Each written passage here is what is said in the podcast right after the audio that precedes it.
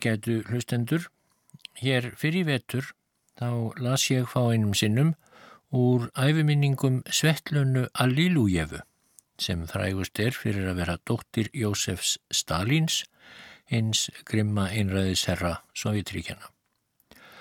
Hún skrifaði æfiminningar sínar í formi brefa til Vínar á árunum upp úr 1960 og kom svo að handritinu til Vesturlanda er hún stakk af frá Sovjetríkjunum nokkrum árum setna.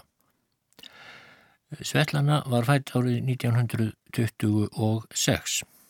Fadrinnar var sem sagt Stalin en móðurinnar hérna Destja Alilujeva og Hún fættist árið 1901 og var því um 20 árum yngri heldur en Stalin. Þau Stalin og Nadesta giftu sig árið 1919 rétt eftir að eh, bolsjevíkar eða kommunistar hafðu náð völdum í Rúslandi og voru í þann vegin að fara að stopna Sovjetríkin. Eh, Stalin hafði þekkt Nadestu allt frá því hún var barn en fjölskylda hennar voru sannfærðir kommunistar og hafðu lagt eh, hinnum þá bannaða kommunistaflokki ímislegt lið gegnum árin. Og þannig stóð á kinnum Jósef Stalins og Nadestu. Í fyrir þáttum þá las ég um eh, minningar Svetlunu af dauðaföður hennar og svo dálítið frá barnæsku hennar og móðurfjölskyldunni en jájá vinnur minn Nú er komið að því, skrifar hún í upphafi áttunda kabla æfiminninga sinna. Nú er komið að því sem ég hef lengi hliðrað mér hjá. Nú er rauðin komin að móður minni, þó þér hafi líklega þegar skilist hver kona hún var. Ótal sögur hafa gengið um móður mína, í mist falskar, romantískar eða fáránlegar og ennaðrar blátt áfram fjandsamlegar. Líf móður minnar var tært eins og kristall, skaphöfn hennar var heilstift og sannfærandi. Þannig var hún allt sitt stutta líf. Sumir segja hins vegar að móður mín hafi verið æðri vera, aðrir að hún hafi verið sálsjúk. Hvorugt er sannleikur og heldur ekki svo saga að hún hafið endingu verið myrt. Svo er haminginu fyrir að þakka að ég án okkur bref frá henni. Þau gefa glögga mynd um það hvernig hún var. Nýlega gaf móðursýstin mín Anna mér afritt af nokkrum brefum frá ömmu til Ratchenko hjónana en þau voru góðvinir af og ömmu. Fyrstu brefin eru frá árinu 1916 og þau síðustu frá 1924. Þetta eru bref ungrar skólastúlku og sína okkur ljós lifandi hvernig hún vex og þroskast. Ég held að þau séu þess verð að byrta þau óskert. Móður mín fættist í Baku í Azerbaijan og átti heima í Kaukasusfjöllum öll sín bernsku ár. Vegna þess hver söðræn hún var í útliti tóku ókunnugir hana stundum fyrir georgíska konu. Í raun réttri var hún þó söður slavnesk í eitra útliti, andlitið spóraskjulagað, dökkar augabrúnir, nefið lítið eitt upphafið, hörundið brún og augun mild og dökk undir beinum svörtum brám eins og sjáma á grískum konum og bulgorskum og konum frá Úkrænu. Það var einnig einhver tatarablær yfir henni, eitthvað ángurvært, austrænt, trega full augu, langir grannir fingur. Hún hafði mætur á herðasjölum og þau fór henni vel og hún hefði verið glæsileg í indverskum sari. Hún var yngst sístkina sinna, sístir hennar og bræður, elskuðana og dekruðu við hana úr hófið fram. Það er glöð, síðprúð og elskuleg unglingstúlka sem mætir okkur í fyrstu brefunum hennar til Radchenko hjónana. 1. mæ 1916 Kæra Alisa Ivanovna, fyrir geðu hvað ég er sein að svara brefinu þínu en ég hef engan tíma haft. Ég var sá dæmalösi letingi síðastliði sömar að ég varð að lesa í tíu daga samfleitt undir prófið núna. Ég varð að vinna upp algebruna og flatarmálsfræðina, ég tók prófið í morgun og veit ekki enn hvort ég hef staðist það. Ég held ég hafi staðið mig í öllunum að rúsneskri rítgerð, efnið sem okkur var útlutað var auðvelt en ég er lélegust í þessari grein. Ég er að fara í nýjan skóla því minn gamli er að flytja, nýji skólinn minn stendur gengt brautarstöðinni. Þakka þér fyrir myndirinnar, kæra Alísa Ívanovna. Við Njúra létum líka taka af okkur myndir. Njúra er að byrja ná með tauga og geðsjúkdómadeildina en fyrirlestrar er ekki byrjaðar þar enn. Það er undirbúningsskóli í húsinu þar sem við leiðjum. Einn kjenslukonan er veik og Njúra kennir í staðin fyrir hanna. Næsta bref er svo dagsett 10. september 1916 og stíla til Alísu Ívanovu og litla sonar hennar, Aljosja eða Njaka. Ég er byrjuð í nýja skólanum mínum, skrifar móður mín, það voru ekki erfið um skipti, en ekki hef ég eignast neina kunningi en þá. Hér er svo bref skrifað 27. februar 1917, kvöldið áður en byltingin hófst þegar Romanov kesaranum Nikolási öðrum var ítt frá völdum. Lóksins fæ ég ráðrum til að skrifa þér. Ég hef átt hræðilega anríkt allan þennan tíma en nú er skólunum lokað í fjóra daga vegna hens órólega ástands í Petrograd svo ég hef rimri tíma. Hér er mjög, mjög mikil spenna. Mér þætti fróðlegt að vita hvernig ástandið er í Moskvu. Það má heita að enginn sé heima Njúra er hjá bróður mömmu, Fetja bróður minn er sömuleiðis fjárverandi, pappi er í borginni og við mamma sitjum hér og býðum eftir honum. Honum ætlar að senka af einhverjum ástöðum. Það hefur orðið heldur lítið um skólanám síðan um jól. Fyrst voru það kuldarnir, svo var ég lasin og nú er ekki hægt að fara út á göttu. Ég geti sagt ímislegt fleira um það sem hér er að gerast en ég held að sé ráðlegast að hafa sem fæst orðum það í brefum. Ég ætla að taka mér nokkra daga og lesa Tjekkov til að forða mér frá leiðindum. Ég er döður leið á vetrinum og óþólinn móð eftir sumri, sól og hita. Þetta hefur verið mjög kaldur og langur vetur og ég býstu alla við að njaka hafi leikið sér mikið úti. Ég óska þér allsins besta og kissi þig innilega. Sama dag eða 27. februar sendur hún einnig postkort til vinahjóna sinna. Við höfum öll verið döð leið vegna þess að enginn hefur getað farið ferða sinna hér í Petrograd í fjóra daga en nú er sá mikli dagur upprunnin 27. februar. Við pappi erum alveg heima, hitt fólkið er allt farið inn í borgina og fótgangandi. Njúra er ekki vel frísk, hún hefur leið í rúminu heima hjá móðurbróður okkar í fimm daga en Fetja lítur inn við og við. Pappi er mjög æstur yfir ástandinu og stendur við síman allan daginn. Abel Jenú Kítse kom til borgarinnar í gær, hann náði í tæka tíð fyrir all hátíðahöldin og undraðist stórum. Líðið er sem best, ástarkveðja Nadja. Háttíðahöldin sem móður mín nefnir hér voru í tilefni februarbyltingarinnar sem þá var að brjótast út. Afi kom heim og sagði öllum hvað væri að gerast. En skildið engin, en þá byrtist Jenukitse, vinur okkar, beint úr útlegðinni í Sýberju. Fadur minn var líka í útlegðum þetta leiti og skrifaði afa oft frá Sýberju. Stundum fekk hann líka sendingar þangað frá fjölskyldu móður minnar þar sem hann var gamal vinnur þeirra og tengdur þeim sameinlegum málstað. Brefskrifa 30. mars sínir að móður mín er tekin að fylgjast með því sem gerist í kringum hana þótt skólinn sé enn megin atriðið í tilveru hennar. Því lík ósköp sem hér hafa gerst á örskömmum tíma. Vissir þú að sonur Tjeiketse dó á óvæntan hátt?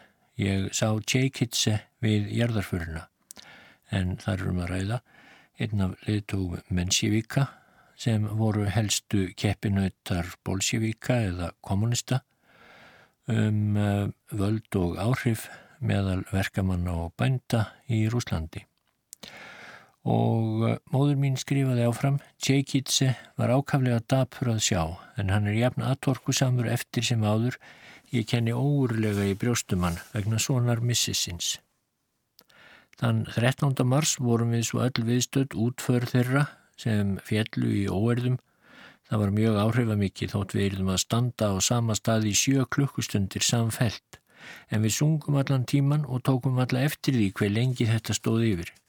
Við urðum svo snortin þegar við komum að marsvellinum sentum kvöldið. Þar voru kindlar og hljóðfærasláttur. Það var alveg stórfengleg sjón.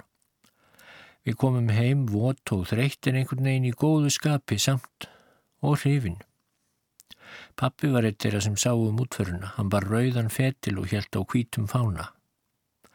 Þakkaður fyrir heimbóðið, skólastarfið hefur gengið hægt hjá mér að því við höfum haft svo mörgu öðru að sinna. Eftir páska verða prófi í grasafræði og dýrafræði svo ég verða að halda mig fast að námi. Ég óski ykkur öllum góðurar helgar. Á heimili Ratsjanko hjónana dvaldist móður mín svo júli og ágústmánuð 1917. Afi var þá upptekinn við störf fyrir flokkin. Í júlimánuði var Lenin nokkra daga leinilega í húsi Alilujef hjónana og var honum fengið til Íveru smáherbergi sem móður mín hafði. Nú er þetta hús sapn. Vegginnir eru þaktir myndum sem teknar voru þá og þeir hlutir sem uh, þá voru í herbergi móður minnar eru þar enn. Þykk, gólf ábreyða, mjótt, járnrúm, eins konar snirti borð og annað borð til. Sumarið 1955 var ég í Leningrad og í fyrsta sinn og fór þá og skoðaði íbúð afa míns. Það var eitthvað dularfullt við að standa á tröppunum þar sem mamma hafði hlaupið niður á leiðsynni í skólan. Undarlegt að vera stött í húsinu þar sem fundum móður minnar og föður míns var fyrst saman. Til allarar hamingi voru engir gestir aðrir að skoða sapnið og gaf ég mér fyrir góðan tíma til að reyka um auð herbergin, dokaði lengi við í eldhúsinu og reynda að gera mér í hugalund hvernig líf þeirra hafi verið. Víst var undarlegt að vera stött hér en undarlegast af öllu var þó að þetta hafði ekki vitund dapurleg áhrif á mig. Þótt hús þetta sé nú opimber staður og líti út eins og sapn, þá fann ég leika um mig andblæ heimilislíu og ástúðar. En var hér líf og lífsorka í loftinu. Ég skinnjaði anda móður minnar, fann að andi hennar hafði aldrei yfirgefið þetta notalega hús Andi hennar hafði aldrei átt heima innan kremlarmúra nýja þólað það umhverfi. Kreml, þar sem fadur minn riði ríkjum, var ekki staður fyrir móður mína. Hinn er ópersonlegu íbúðir og líf það sem hún varð að lifa eftir að hún yfirgaf föðurhúsin var henni allatíð óskapfelt. Henni var ekki eiginlegt að lifa þannig. En hér Hér hafði hún verið falleg skólastúlka að læra fyrstu leksíunar sínar í mannkinsögu, ekki af bókum, heldur af lífinu sjálfu allt umhverfið sig. Hér var heimilið hennar, heimili foreldra hennar og fjölskyldu. Og hér var borgin hennar. Þá borg hefði hún aldrei átt að yfirgefa. Hún hefði aldrei átt að fara til Moskvu. Þá má vera að örlög fjölskyldunar hefði orðið önnur og farsætli. Haustið 1917 var móður mín aftur komin til Pétursborgar eða Petrograd eins og hún hétt þá á samt fjölskyldu sinni. Þann 19. oktober skrifar hún Alísu Radchenko á ný. Ég hef mikið að gera og tvo músiktíma aukalega dag hvern. Klukkan er farin að ganga tólf og ég á frönskuna en þá ólesna. Ég fer aldrei að hátta fyrir klukkan eitt, hinn fara öll í rúmið en um, ég set uppi yfir heimaverkefnum mínum. Við höfum ekki í hyggju að yfirgefa borgina þótt ástandið sé erfitt og viðkvæmt. Enn er hægt að fá matvæli, mjölk, brauð, kjöt og egg er auðvelt að fá en það kostar hendar mikið. Fólk bjargast einhvern veginn þótt við og yfirleitt allir séum í hræðilegu hugur ástandi. Stundum getur maður ekki varist í að gráta Allt er svo leiðinlegt og erfitt og maður getur hverki farið. Reyndar bauð músíkkennarin mér nýlega að hlusta á Sorocin markaðin í söngleikahúsinu. Svo er orðrómur uppi um að bolsjevíkar ætli að gera eitthvað 20. oktober en vonandi er ekkert hæft í því. Jæja, ég vona því að líði sem best. Ég ætla að skrifa njaka, strax og ég má vera að. Vildu vera svo góð að bera honum þakklæti frá mér fyrir brefið. Ég kissi þig innilega hveðjur frá okkur öllum. Og bolsjevíkar letu vissulega verða af því að gera eitthvað eins og móður mín skrifaði. Þeir gerðu byltingu eða hrifsuðu völdin. Það er oktober uppreysnin, svo kulluð. Þann 11. desember 1917, eftir að hún var um gardgengin og bolsjevíkar hafðu náð völdum í borginni, þá skrifaði móður mín. Kæra Alísa Ivanovna, fyrirgefðu að ég hef ekki skrifað þér fyrir. Mér líður ágætlega, en hér er svolítið leiðinlegt eins og vanalega. Það gengur ekki allt og vel í skólanum. Þeir loka fyrir rafmagnið tvo dagi viku og að því leiður að við erum aðeins fjóra daga í skólanum. Það er Ívan blöðin sín. Ég let skráan áskrifandað þremur. Mér langaði til að kaupa meira af vindlingum handunum en það var svo löng byðröð að ég gafst bara upp. Maður verður að fara á fætur fyrir allar aldir ef maður ætlar að kaupa eitthvað og samt láta þeir mann ekki hafa nema smáræði. Ég steindi heilmiklu stríði í skólanum.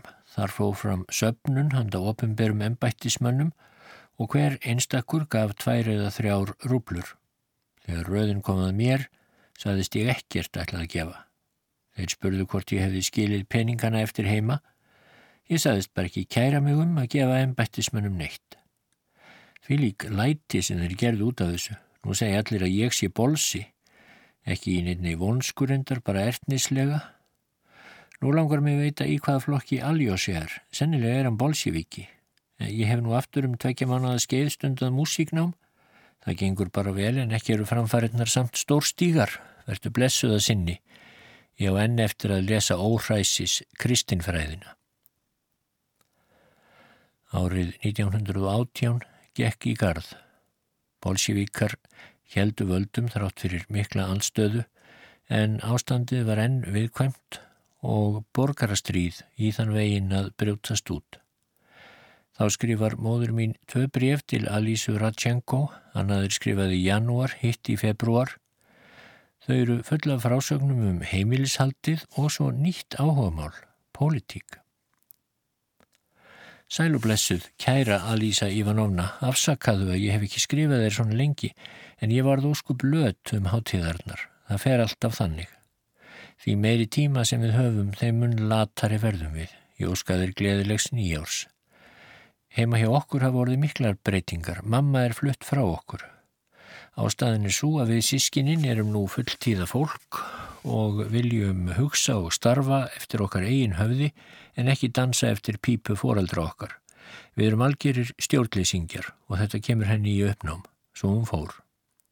En það er reyndar samt ekki aðal orsökinn heldur hitt að heima getur hún ekki lifa því lífi sem hún kýsir og hún er enþá ung og þrótt mikil. Það á því svo að heita að ég stjórni nú heimilinu. Ég óks heil mikið síðast liðið ár og er alveg full þróskuð nú og því er ég fegin. Það gengur heldur hægt með námið í skólanum. Við höfum eitt heil í viku á sambandstingi verkamanna, hermanna og bænda. Það er bísna fróðlegt, engum þegar Trotski eða Lenín tala. Hinnir eru heldur döfir ræðumenn og hafa lítið að segja. Á morgun, þann 17. janúar, er lokadagur þingsins og þá verður við auðvitað að fara. Hvernig líður ykkur allum? Mér langar sérstaklega til að vita hvernig óþektar ánganum honum Aljósja líður. Fetja bróður minn hefur nú yfirgefið herskólan og einrittast í starfræðudild akademíunar. Ég tók að mér hlutverk mömmu, fór og gekk frá þessu fyrir hann og á endanum tókst það. Fetja vinnur nú samhliða náminu. Það líkur við að ég skammist mín fyrir hvernig allir hamast hér en sjálf líki ég í leti og eigði meiri peningum en nokkur þeirra og samt þykir þeim öllum vendum mig. Og hér kemur svo síðasta bref móður minnar frá Pétursborg. Það er skrifað í februarmánuði 1918. Góðan daginn, kæru vinnir. Ég er fegin að þið fenguð á endanum vindlingana frá mér. Þeir koma sér eftir vil aldrei betur en nú. En hvers vegna hafði ekki látið mig vita hvort ég fái dagblöðin sem ég sendi ykkur. Ég þorði var alltaf að panta þau þennan mánuð af óta við að þau kemist ekki til ykkar. Ég er leið á ráðsmennskunni hér heima, en það eru líka horfur á að mamma komi aftur heim og tæki stjórnina í sínar hendur. Hún er einmanna án sinna háværu afkvæma. Auðvitað erum við ákaflega glöði yfir því. Fadur minn hefur leið í rúminni í þrjár vikur, Fyrst fekk hann hálsbolgu, strax og honum fór að skána, mitt hann sig ítla á fæti þegar hann var að stíga inn í sporvagn. Hann er nú rétt að byrja að stíga í fæturna. Meðan hann var sjúklingur var ég bústýra hjókunarskona og námskona allt í einni bendu og var það hendast þrísverða fjórum sinnum í viku í skólan þar að auki. Nú er hungursneið hér í Petrograd. Man er útlutað einum áttunda úr pundi af brauði daglega og einn dag fengum við alls ekkert. Ég hef jafnvel formælt bolsjevíkum. En þeir lofa að brauðskamturinn verði aukinn á 10. februar, við sjáum nú hvað setur. Ég hef lést um 20 pund og voruð að breyta öllum pilsunum mínum og undirfötunum. Þau voru að detta utan af mér. Ég hef megrast svo mikið að fólk er jafnvel færið að ímynda sér að ég sé ástfangin. Pavljúska bróður minn var hér í tíu daga en er farin aftur. Hann hefur látið skráð sig í hinn nýja herr sósialista þótt fólk segja að hann sé döð leiður á lífinu á vikstöðunum. Mamma skammaðan fyrir að hafa gengið í lið með þeim en við erum samt öll stolt af honum. Föður minn langar líka til að láta skráð sig en auðvitað segir hann það aðeins í gamni. Hvernig líður Aljóska? Bytt hann að skrifa mér. Ég er vissum að hann veit hvað hann á að skrifa. Ég kissi þig innilega alltaf þín, Nadja. Því miður kemur ekkert fram í brefum Nadestu um kynni hennar af Stalin. En móður mín giftist föður mínum skömmu eftir þetta síðasta bref og setti stað í Moskvu á samtinnum nýja eiginmanni sínum og hún hóf störf undir stjórn Fótíefs sem var engarittar í Lenins.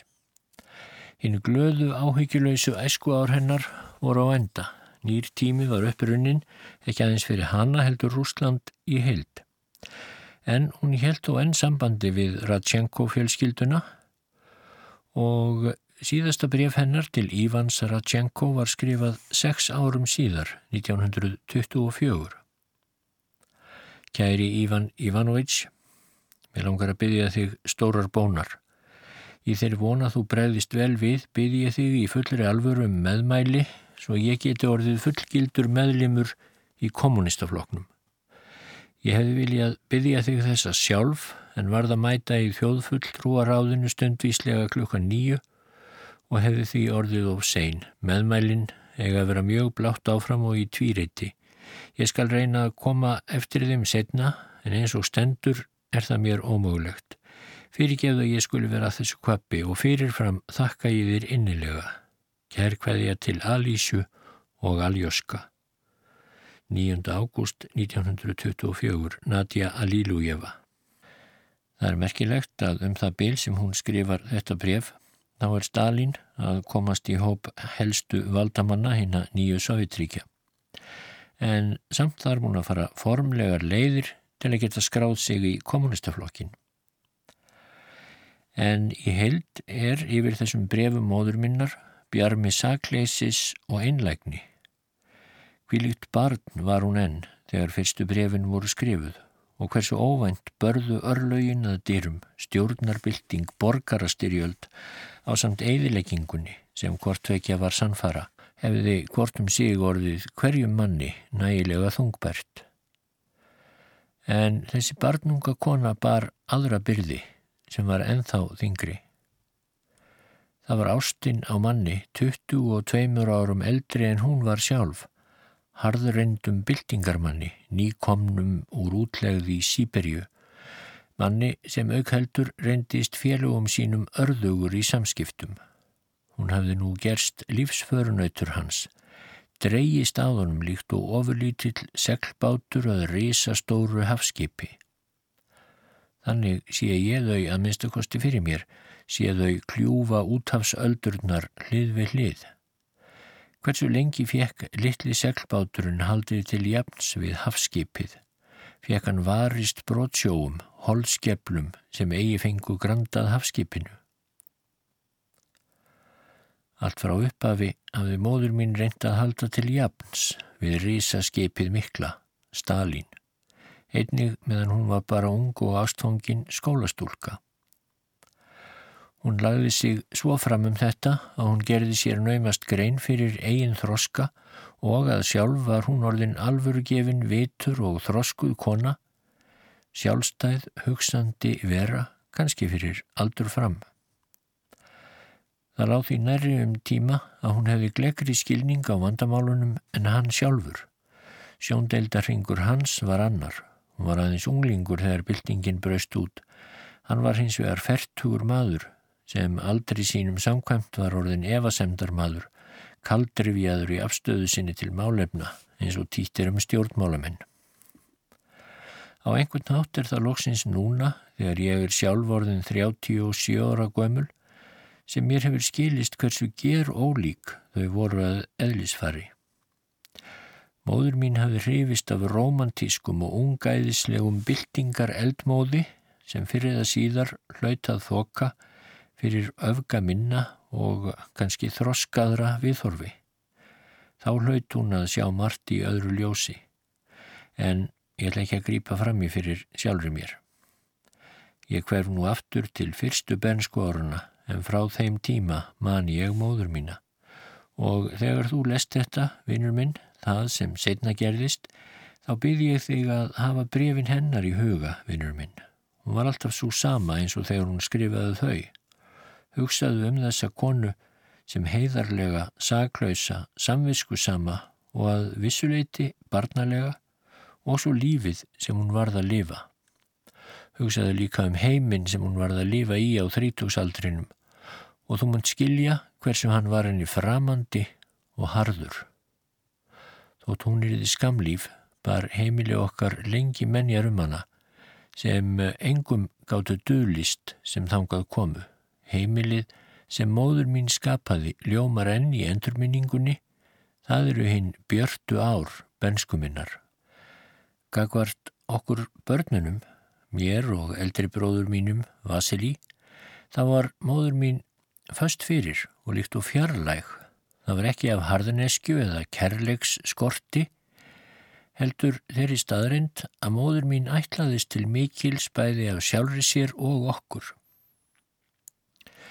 Ég hugsa ætið um hana sem undur fagra konu og ég held ekki að ég haf verið einum að hugsa svo.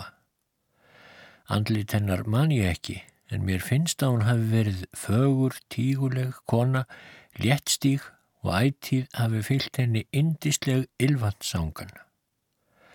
Þannig orkar persónleiki hennar á mig og andrumsloftið umhverfis hana, þess konar áhrif sem barn drekkur í sig óavitandi.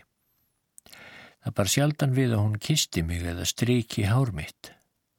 Fadur minn var hins vegar sífelt með mig í fanginu, kisti mig svo small í og kallaði mig ímsum gælunöfnum svo sem litla spörfuglin eða litla fyririldið.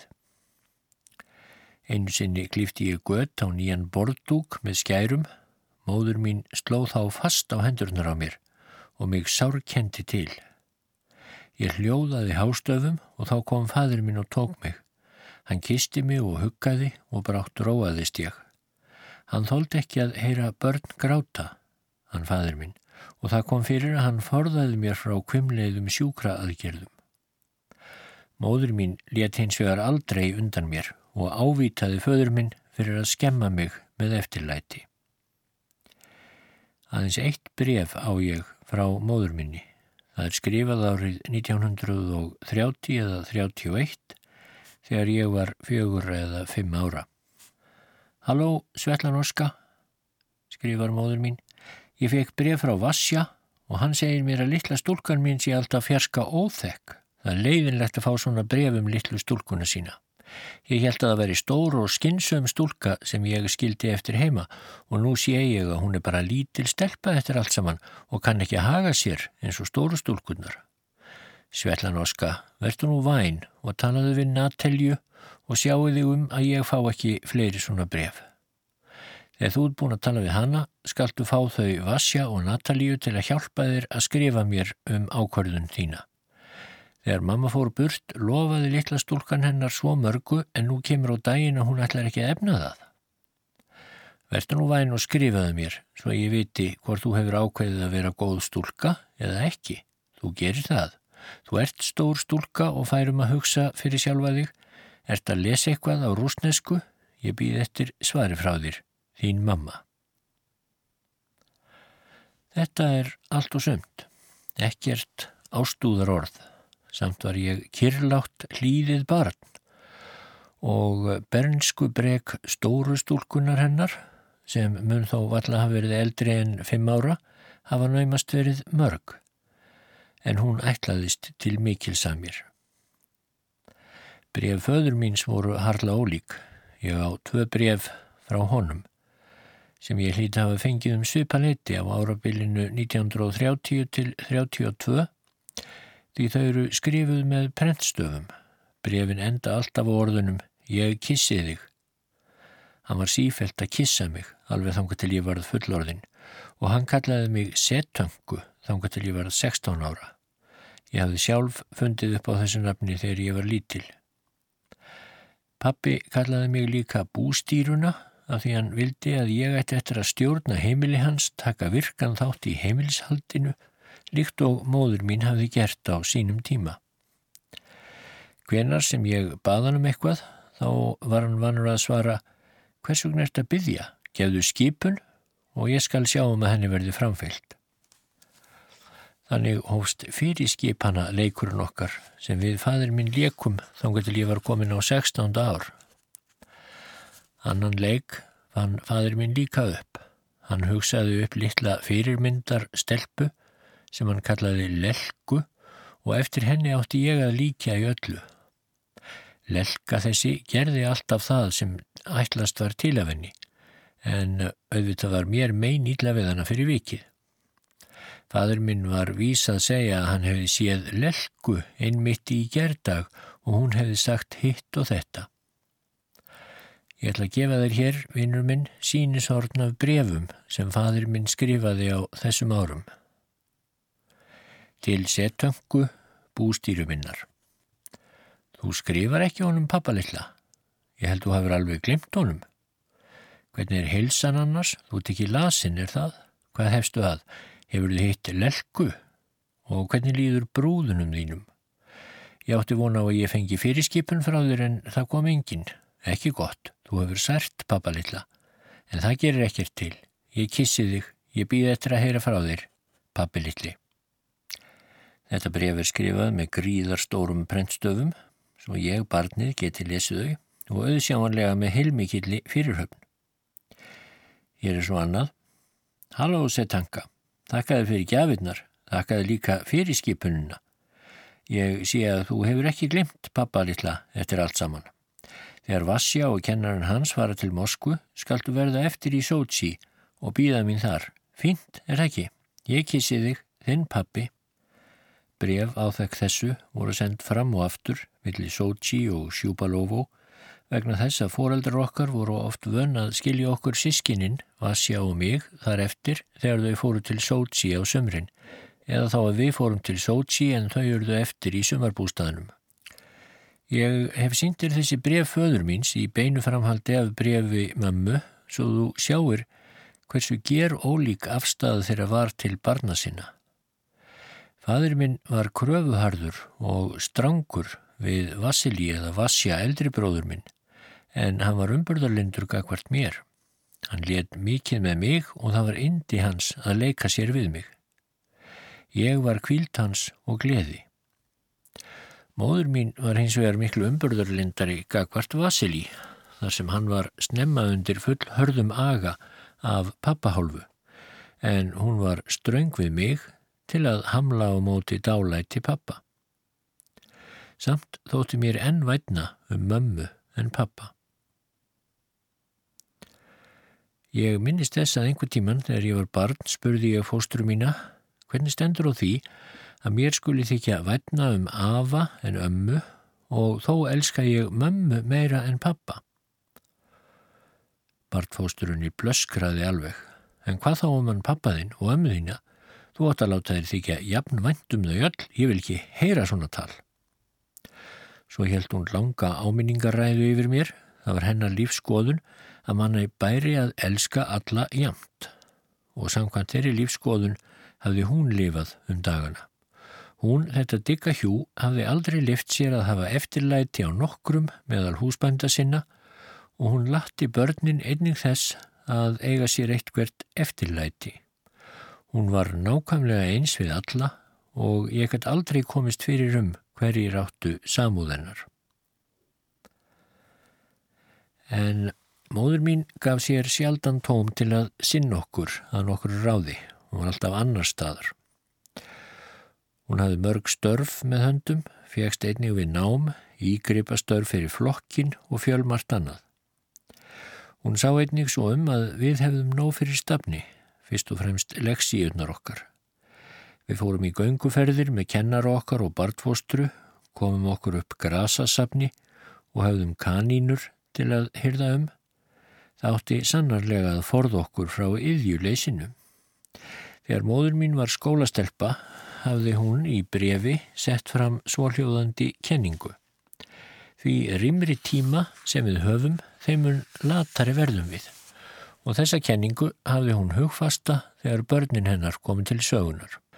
Barnung var ég látin læra þýsku, rúsnesku og starffræði hjá kennara en tekningu og mótun í leir lærði ég hjá fóstruminni. Móður mín let þarðu ekki innrita mig í tónlistardeild fyrir börn á forskólaaldri. Ég hafði indi af þessu námi og minnist þess ennþá. Við höfðum barnakór, sungum ég vel einsöng. Við vorum látin að æfa leiki sem áttu að þjálfa tónherrn og tilfinningu fyrir hljóðfalli. Þegar við vorum komin lengra áleiðis var okkur kent að lesa nótur og ég hafði að skrifa þær. Mér gekk það vel og móður mín var mjög ánægð með það. Mér þykir leitt að eh, ég skul ekki muna nafnirar ágætu konu sem kendi mér byrjunaratriði tónlistarinnar en fóstra mín er ekki lengur á lífi og ég geti ekki spurt hana um nafnið á henni. Hversu mörgu sem móður mín hafði að sinna þá helt hún reyndar sjálf áfram músíknámi hjá Aleksandru Pukalovkó, alkunnri personu í Kreml. Móður mín stundaði einnig frönskunám, þótt ég komiði ekki fyrir mig hver kennari hennar var, nýja hversu langt hún komst í því námi en merkurinn málsins var sá að móður mín vildi alltaf auka þekkingu sína og þroska.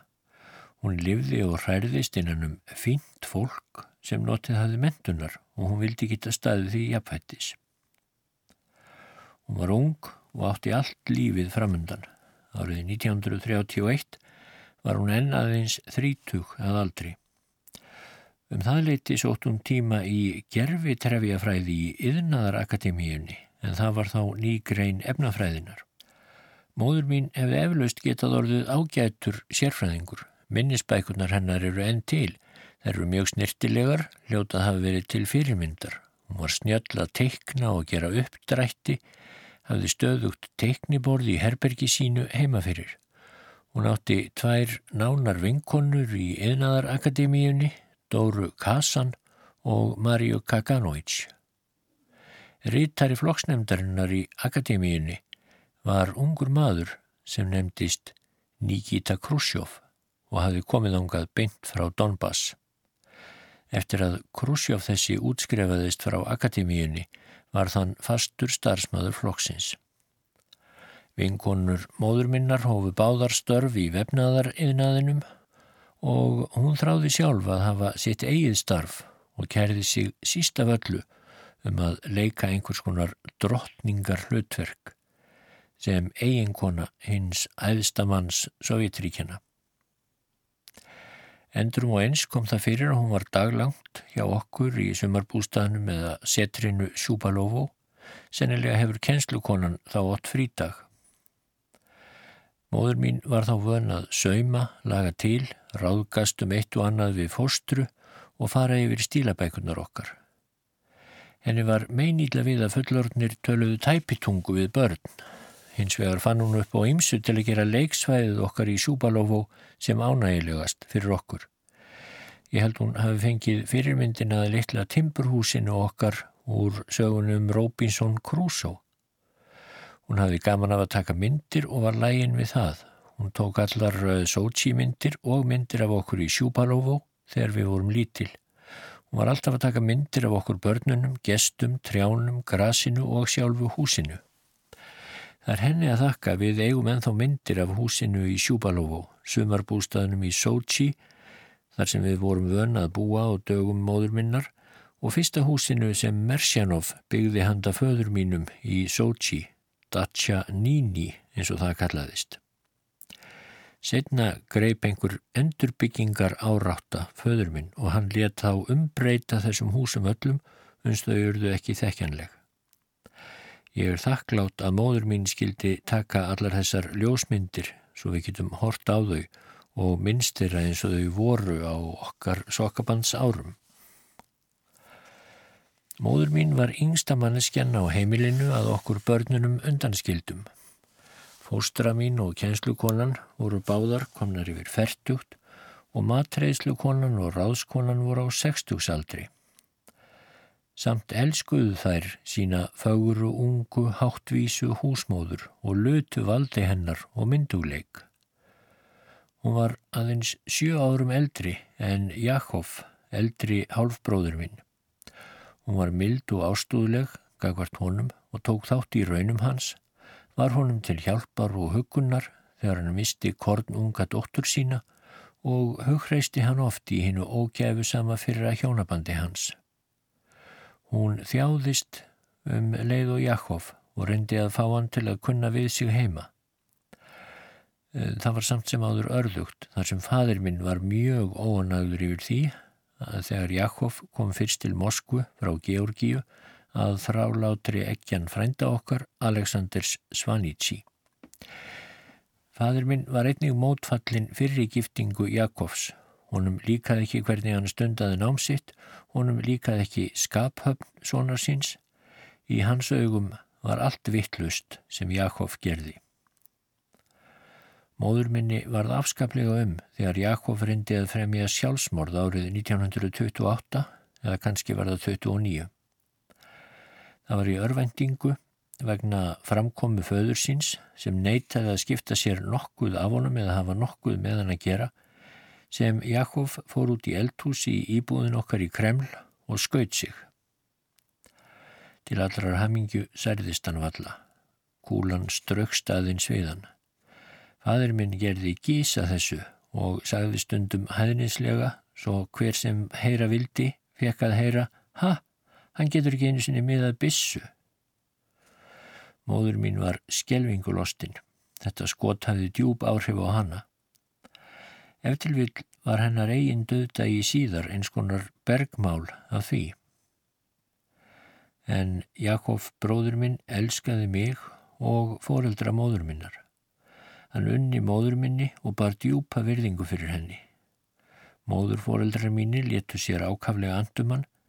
Eftir þessa sjálfsmórstilraun Jakobs fór hann til Leningrad og bjóð þar í íbúð afamins. Ég á fjölda ljósmynda sem teknar voru heima hjá okkur. Ég horfi á þær og minningarnar streyma að mér. Myndirnar verða sem lifandi fyrir augum mér. Þið svarta og hvita fær lit og líf Menn og konur eru á hreyfingu. Ég heyri aftur rattir þeirra. Það líkast því sem hort sé á kirramynda og kvikmyndatjaldi. Eitt augnkast og myndin líður fram hjá og við það finnst mér eins og ég hafi séð þetta einhver staðar áður. Ég ámyndir úr skóarferðum en þeirra nutu allir. Fadur minn er þar og móður mín líka, glöð og hlæjandi. Þessar myndir eru fullar af brosandi andlitum.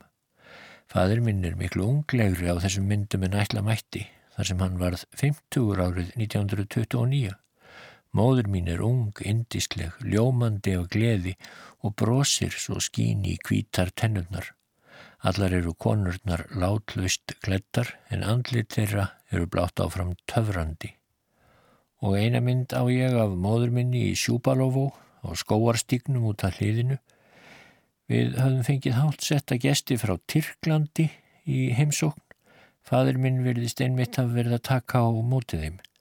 Vorosílov, Molotov og Litvinov eru það reyning Og ég er hérna líka til að trubla. Móður mín er með sjál yfir sér. Hún er óróleg og varðbergi yfir því að ég ger ekki eitthvað af mér. Og þarna situr móður mín við borð heima í Sjúbalovo og enn með sjál á herðunum. Eftir láthennar let fadur minn stækka þessa mynd. Hún hekk í öllum herberginum í nýju íbúðin okkar í Kreml. Móður mín er svo hamingjusum og geistlandi af gleði á þessari mynd að engan geti grunað hvað átti fyrir henni að likja. Myndirnar verða því dapurlegri eftir því sem fleiri eru skoðaðar.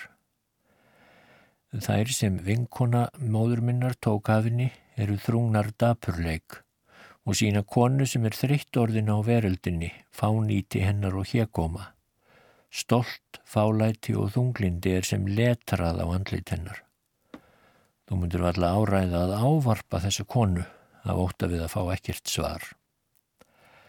Í augum hennar er svo djúb hrigð á þessum myndum að enn í dag þól ég ekki að hafa eina þeirra nálat mér og verða að horfa á hana. Það býr í andlitinu slík hrigð að öllum hliti að skiljast á augabragði að þessi kona er dæmd. Þetta er glötuð kona, sárlega þurfandi hjálpar. Þegar ég horfi á þessa mynd veldi ég því fyrir mér hvers vegna engin reyndi að bjarga henni, hvers vegna gæti engin séð fyrir hvernig þetta hlaut að enda.